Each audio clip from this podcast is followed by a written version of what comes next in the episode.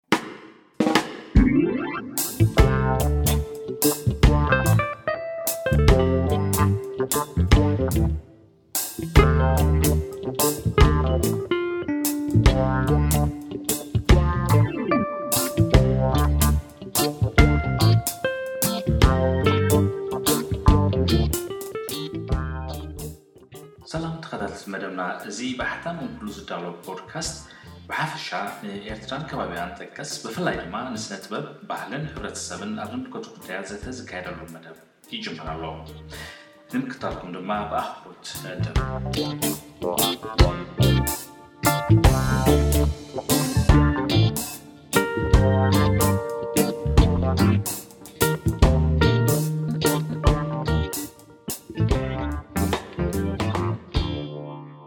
ናይ ሎሚ ጉንበት ዕስራን ሓደን ክልተ ሸነን ዕስራን መደብና ጽዋ ለበዳ ፌራን ካምዩን ዝብል ጽሑፍ ሒዝናልኩም ቀሪብና ኣለና።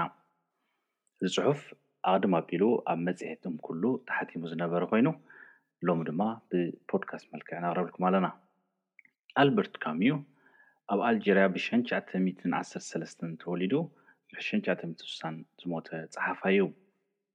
እዚ ፈረንሳዊ ደራሲ፣ ጋዜጠኛ፣ ከምኡውን ፈላስፋ ብሸን ትሽዓተ ሚእትን ሓምሳን ሸውዓተን ተሰላሚ ኖቤል ዝነበረ ኢዩ።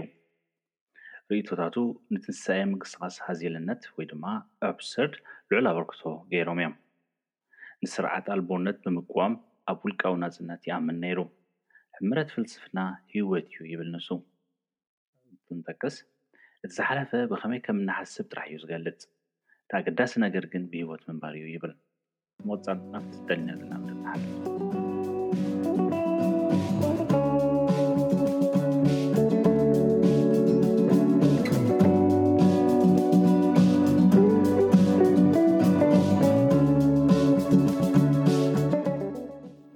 ጽዋ ለበዳ ፌራን ካምዩን። ብጥሪ ሽሕንሸዕተ ሚእትን ኣርባዓን ሓደን፣ እቲ ወዲ ዕስራን ሸሞንተን ዓመት ፈረንሳዊ ጸሓፊ ኣልበርት ካምዩ፣ ብዛዕባ ሓደ ካብ እንስሳታት ናብ ደቂ ሰብ ዝመሓላለፍን ንፍርቂ ህዝቢ ሓንቲ ንዘመናውያን ከተማታት እትውክል ከተማ ዘዕነወን ቫይረስ እትትርኽ ልብ-ወለድ መጽሓፍ ክጽሕፍ ጀመረ። እታ መጽሓፍ La Peste ወይ ድማ ብእንግሊዝኛ The Plague፣ ብትግርኛ እቲ ፌራ ዝብል ኣርእስቲ ዝተዋህባ ኮይና፣ ኣብ ሽሕንሸዕተ ሚእትን ኣርባዓን ሸውዓተን ድማ ንሕትመት በቕዐት። ከምኡውን ብተደጋጋሚ ካብ እዋን ድሕሪ ኲናት ዝፈረዩ ልብወለዳት እታ ዝዓበየት ኤውሮጳዊት ልብወለድ ብዝብል እትጥቀስ ኮነት።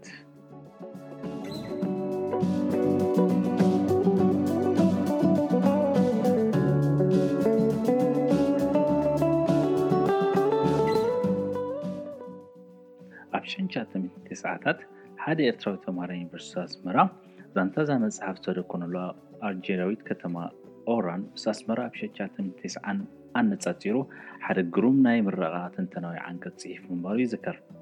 ኣስመራ፣ ምንቅስቓስ ነበርታ ተደሪቱ ኣብ ፍጹም ዕጹው ቀጽሪ ዝነብሩሉ ዝነበረ ግዜ ብምንባሩ፣ ኦራን እውን ተወሺባ ምስ ካልኦት ከባቢታት ኣልጀርያ ዘይትራኽብ ብምንባራ እቲ ንጽር ንጹር እዩ ነይሩ።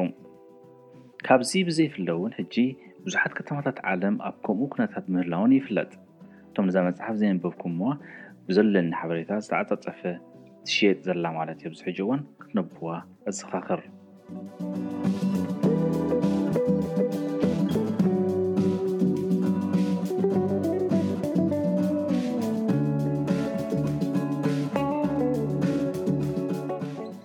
እታ መጽሓፍ ጽዑቕ ብዘይኮነ ዘናቢ ልቆ ጽሑፍ ወይ ከኣ ፕሮዝ፣ በቲ ምብራዕ ኣዕናዊ ለበዳ ሕማም ጀሚራ፣ ኣብታ ብትሑት መጠን ፈጠራ ዝተወሰኻ ወደባዊት ኣልጀርያዊት ከተማ ኦራን እናዛወረት፣ ብዓይኒ'ቲ መሪሕ ጠባይ'ቲ ትረኻን ገለ ቅዳሕ ባዕሉ ካምዩ ኣለዎ ተባሂሉ ዝእመነሉን ዶክተርን'ዩ ተርእየና። እታ ልበወለድ ብሓደ ዘግነብንብ ንቡር ኩነታት ትጅምር። ነበርቲ ኦራን ናይ እንካን ሃባን ገንዘብ ዝማእከሉ ጽሙድ ህይወት ይመርሑ። ብህይወት ምንባሮም ዳርጋ ኣየስተውዕሉን። ጸኒሑ ግን ብዘሰንብድ ፍጥነት ራዕዲ ይፍልም። ዶክተር ርዩ ሓንቲ ሙት ኣንጭዋ ተጓንፎ። ቀጺላ ካልኣይቲ። ጸኒሓ ውን ተወሳኺት ካልእ። ብኡ ንብኡ እታ ከተማ ብዘስደምም ሞት ደምበርበር እናበላ ካብ መሕብኢኤን ወወጺኤን ብኣፍንጭኤን ደሚን ዘዕብለዋ ኣሽሓት ኣናጹ ትጉባእ።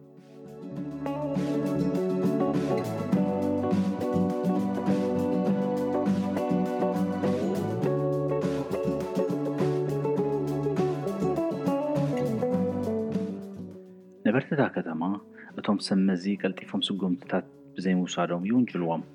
እተን ምውታት ኣናጹ ከም ዝውገዳ ይገበር ከምኡውን እታ ከተማ ብሩፍታ ተስተንፍስ። እንተኾነ ዶክተር ዩ በዚ ከም ዘየብቅዐ ይጥርጥር። ብዛዕባ ቅርጺ ፌራን ብኸመይ ካብ እንስሳታት ናብ ሰብ ከም ዝመሓላለፍን ዝኣክል ዘንበበ ብምዃኑ ገለ ዝተጠጀ ነገር ምህላዉ ይፈልጥ ነይሩ እዩ።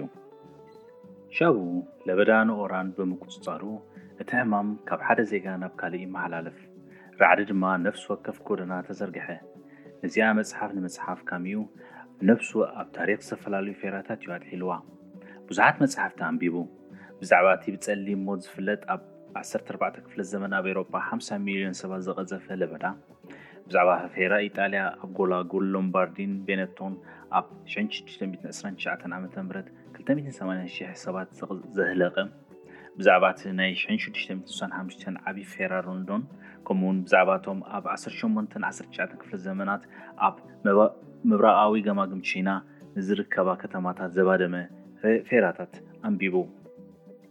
ኣብ መጋቢት ሽን ትሽዓተ ሚእትን ኣርብዓን ክልተን፣ ካምዩ ንጸሓፊ ኣንድሬ ማልሪዩ፣ ፌራ ንሰብኣውነት እንታይ ማለት ምዃኑ ንኽርዳእ ከም ዝደሊ ነጊርዎ።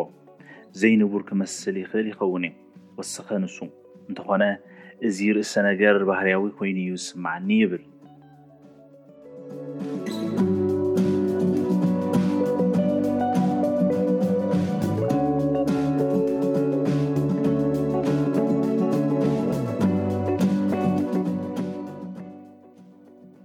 ከም እዩ ብዛዕባ ሓደ ውሱን ፌራ ኣይኮነን ጽሒፉ ወይ እውን ከምቲ ብጸቢብ ትንተና ውስጠዛዊ ትረኻ ብዛዕባ ጎበጣ ፈረንሳ ብስርዓት ናዚ እዩ ተባሂሉ ዝእመነሉ ኣይነበረን።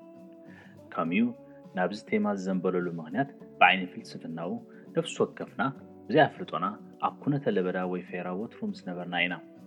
እዚ ኣብ ፈቖድኡ ዝርከብ ሰላሕታውን ዘይርዳእን ዋላ ሓደ ዘይምሕርን ነቲ ድልዱል እዩ ኢልና እንኣምነሉ ህይወትና ዘባህስስ ኩነት እዩ። እቶም ለበዳታት ኢልና እንጽውዖም ክውናት ታሪኻውያን ፍጻመታት እኩባት ዓለምለኻውያን ቅድመ ኩነታት ጥራሕ እዮም። ኣብነታት ልሉያት ፈጻሚታት ናይ ዘለኣለም ሕጊ እዮም። ምቅላዕ ንለበዳ ሕምብርቲ ጠመተ ካምዩ ኮይኑ ህይወትና ብመሰረቱ ኣብ ገምገም እቲ ንሱ ሃዚር ወይ ድማ ኣብሰርድ ኢሉ ዝጽውዖ ኣምር እትነብር ምዃና የርኢ።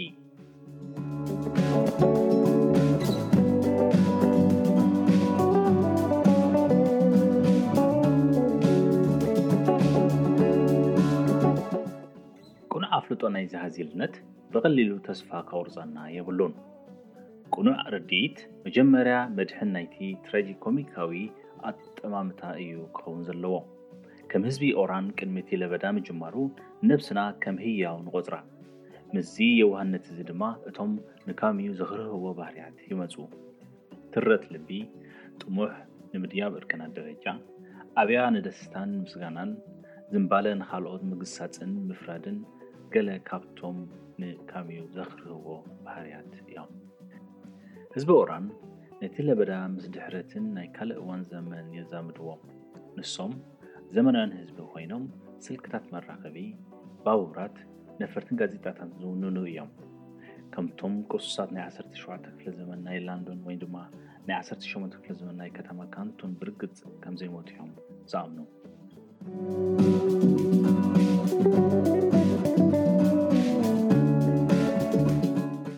ፌራ ክኾን ፍጹም ኣይክእልን እዩ። ኩሉ ከም ዝፈልጦ ካብ ሃገራት ምዕራብ ጠፊኡ እዩ። ይብል ሓደ ጠባይ ናይታ መጽሓፍ። እወ፣ ነዚ ኩሉ ዝፈልጦ እዩ ብዘይካ እቶም ምዉታት ይብል ወሰኽ ካምዩ ብኣቀጃጅ። ብርድኢት ካምዩ ኣብ ኩነተ ሞት ምዕባለ ታሪኽ የሎን። ተነቀፍቲ ካብ ምዃን መዋጽኦ የሎን። ብህይወት ምንባር ማለት ወትሩ ኣብ ህጹጽ ኩነታት ምህላው እዩ። ብሓቂ መምለጢ ዘይርከቦ ወትሩ ዘድበየ ኩነታት እዩ። ምስ ለበዳ ወይ ብዘይ ለበዳ ከም ወትሩ ለበዳ ኣሎ። እዚ ማለት ንሃንደበታዊ ሞት ቅሉዕ ምዃንን ብንብኡ ድማ ንህይወትና ትርጉም ኣልቦ ዝገብር ማለት እዩ። እንተኾነ እቶም ነበርቲ እታ ከተማ ንጽሕፍቶኦም ይኽሕድዎ። ዋላኳ ርብዒ ካብ ተቐማጦ እታ ከተማ እንተሞቱ፣ እቲ ጸገም ኣብ ነብሶም ከም ዘይወርድ ብቐልጻሊ ምኽንያታት ይጽብጽቡ። እታ መጽሓፍ ንኸተርዕደና ኣይኮነትን ትዕልም፣ ምኽንያቱ ራዕዲ ንሓደ ዑቕባ ዝርከቦ ናይ ሓጺር እዋን ሓደጋ ዝወሃብ መልሲ ተግባር እዩ። ድሕነት ግን ከቶ ኣይርከብን እዩ። ምእንት'ዚ እዩ ድማ ካምዩ ነቲ ዝተረግመ ፍጡር ወዲ ሰብ ክነፍቅሮን ቅብጸት ወጊድ ኢልና ስቓይ ንምጉዳል ክንዓዪ ከም ዝግባእ ዝእምት። ህይወት መዓርፎ ነጋድያን እምበር መላዕሎ ሕሙማን ኣይኮነትን።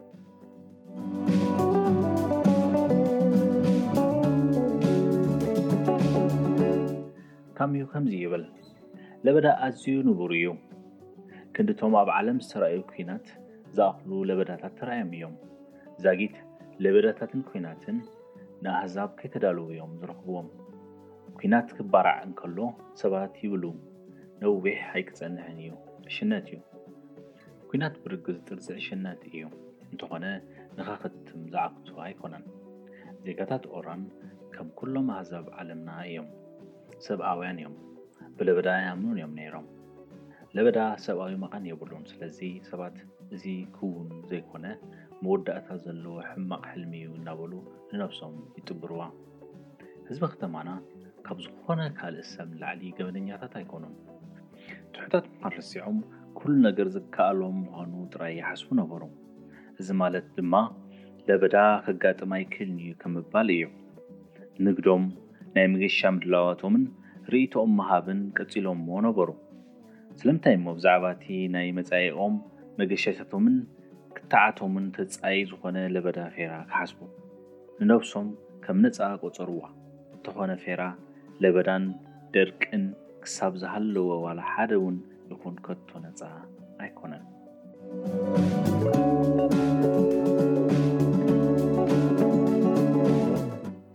ኣብ ጥርዚ ናይቲ ለበዳ፣ ሓሙሽተ ሚእቲ ሰባት ኣብ ሰሙን ኣብ ዝሞቱሉ ዝነበረ ግዜ፣ ሓደ ካብቶም ልሉያት ጸላእቲ ካምዩ ኣብታ ልብ-ወለድ ዝኾነ ቀሺ ካቶሊኽ ኣባ ፓኖሉ ይቕልቀል። ኣብ ቀንዲ ኣደባባይ ኣብ ዝርከብ ካቴድራል ድማ ነታ ከተማ ስብከት ኣስምዓ፣ ከምኡውን ነቲ ለበዳ ብሰሪ ኣበሳ ወዲ ሰብ ካብ ኣምላኽ ዝወረደ መቕጻዕቲ'ዩ ብዝብል ክገልጾ ይፍትን። እቲ ቀንዲ ጠባይ ናይዛ መጽሓፍ ዶክተር ልዩ ግን እዚ ከምዚ ዓይነት ኣገባብ ኣገላልጻ ኣፈንፍኖ እቲ ለበዳ ናይ ዝኾነ ነገር መቕጻዕቲ ኣይኮነን ከምኡ ኢልካ ምሕሳብ ዓለም ቅኑዕን ጌጋን ወይ ድማ ገለ ዓይነት ሜላ ኣለዋ ኢልካ ከም ምሕሳብ እዩ ክኸውን ዶክተር ልዩ ሓደ ንእሽቶ ንጹህ ቆልዓ ኣብቲ ዝስርሓሉ ሕክምና ክመውት ይዕዘብ። ከምኡውን ዝተፈላለየ ርድኢት ይውንን። ስቓይ ብሃውሪ ከም ዝዕደል ትርጉም ዘይብሉ ቅጥዐ ምግባር ዘይብሉን ሓይሊ ብሱሩ ሃዚልን ካልእ ካብኡ ዝሓሸ መግለጺ ክርከቦ ዘይክል ነገር እዩ ኢሉ ይኣምን።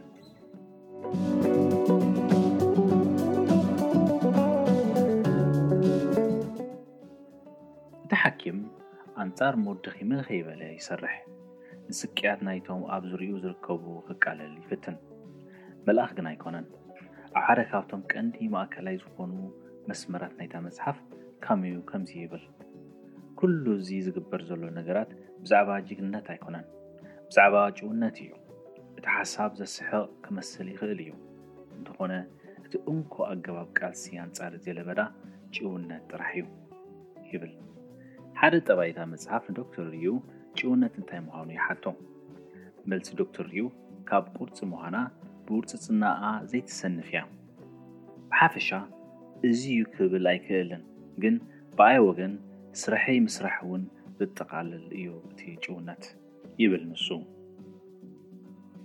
ራዕዲ ብዘየገድስ ካምዩ ኣብ ቀዲሙ ዝፀሓፎ ዓንቀፁ ንሰብኣውነት ምስቲ ቅርሱስ ገፀ ባህሪ ሲሲፈስ ብምንፅፃር ሲሲፈስ ከም ሕጉስ ክንሓስቦ ከምዝውከሰና ንዘክር። ህይወት ክትቅጽል ፋይዳ ዘለዎ ክብሪ ከም ዘለዋ ብንጹር እምነቱ ይገልጸልና። ዶክተር ሪዩ ትልሂት ፍቕርን ተፈጥሮን የስተማቕር። ንሽታ ዕምባባታትን ሕብርታትን ፀሓይ ዕራርቦን ኣዝዮም ረቀቕቲ ህዋሳት ኣለውዎ። ከምኡን ከም ካምዩ ሓምባሲት ኣብ ባሕሪ ስለ ዝፈቱ ለይቲ ካብቶም ሕሙማት ዝእለዩሎም ክፍልታት ጸሊቑ ብምውጻእ ነብሱ ነቶም ኣጸናናዕቲ ገዘፍቲ ማዕበላት የማርኻ።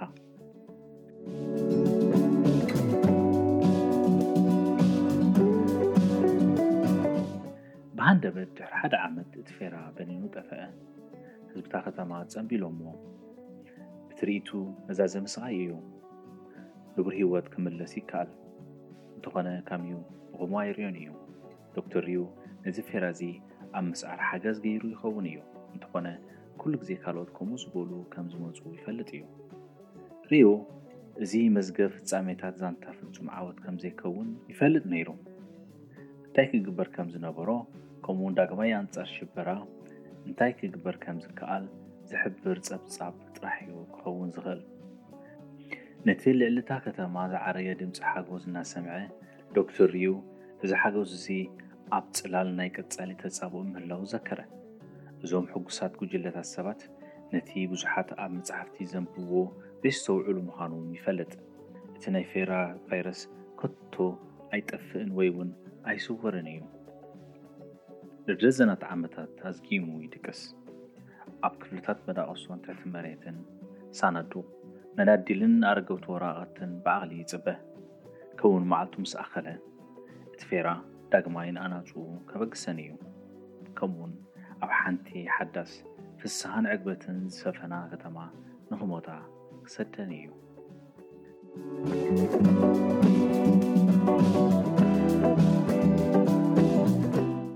ካምዩ ነዚ ሕጂ እዋን ዝበቅዕ ብህሎ ኢዩ ቀሪብልና።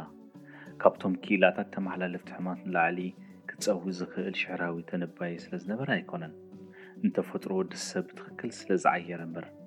ከምኡ'ውን ብዛዕባ'ቲ ወትሩ ክንዝክሮ ዘይንጻወሮ ኣብ ውሽጥና ዝርከብ መሰረታውን ሃዚልን ተነቃፍን ስለ ዝፈልጥ እዩ።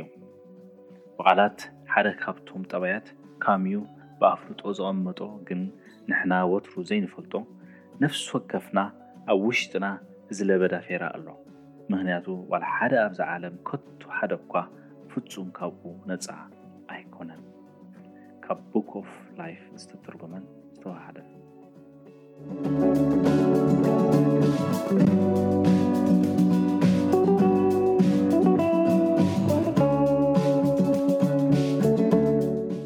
ተኸታተልቱ ኣዝየ የመስግነኩም ናይ ሎሚ ኣዳሊናልኩም ዝነበርና መደብ እዚ ወዲና ኣለና ቀጻሊ ስጋብ ንርሃብ ሰሰናዩ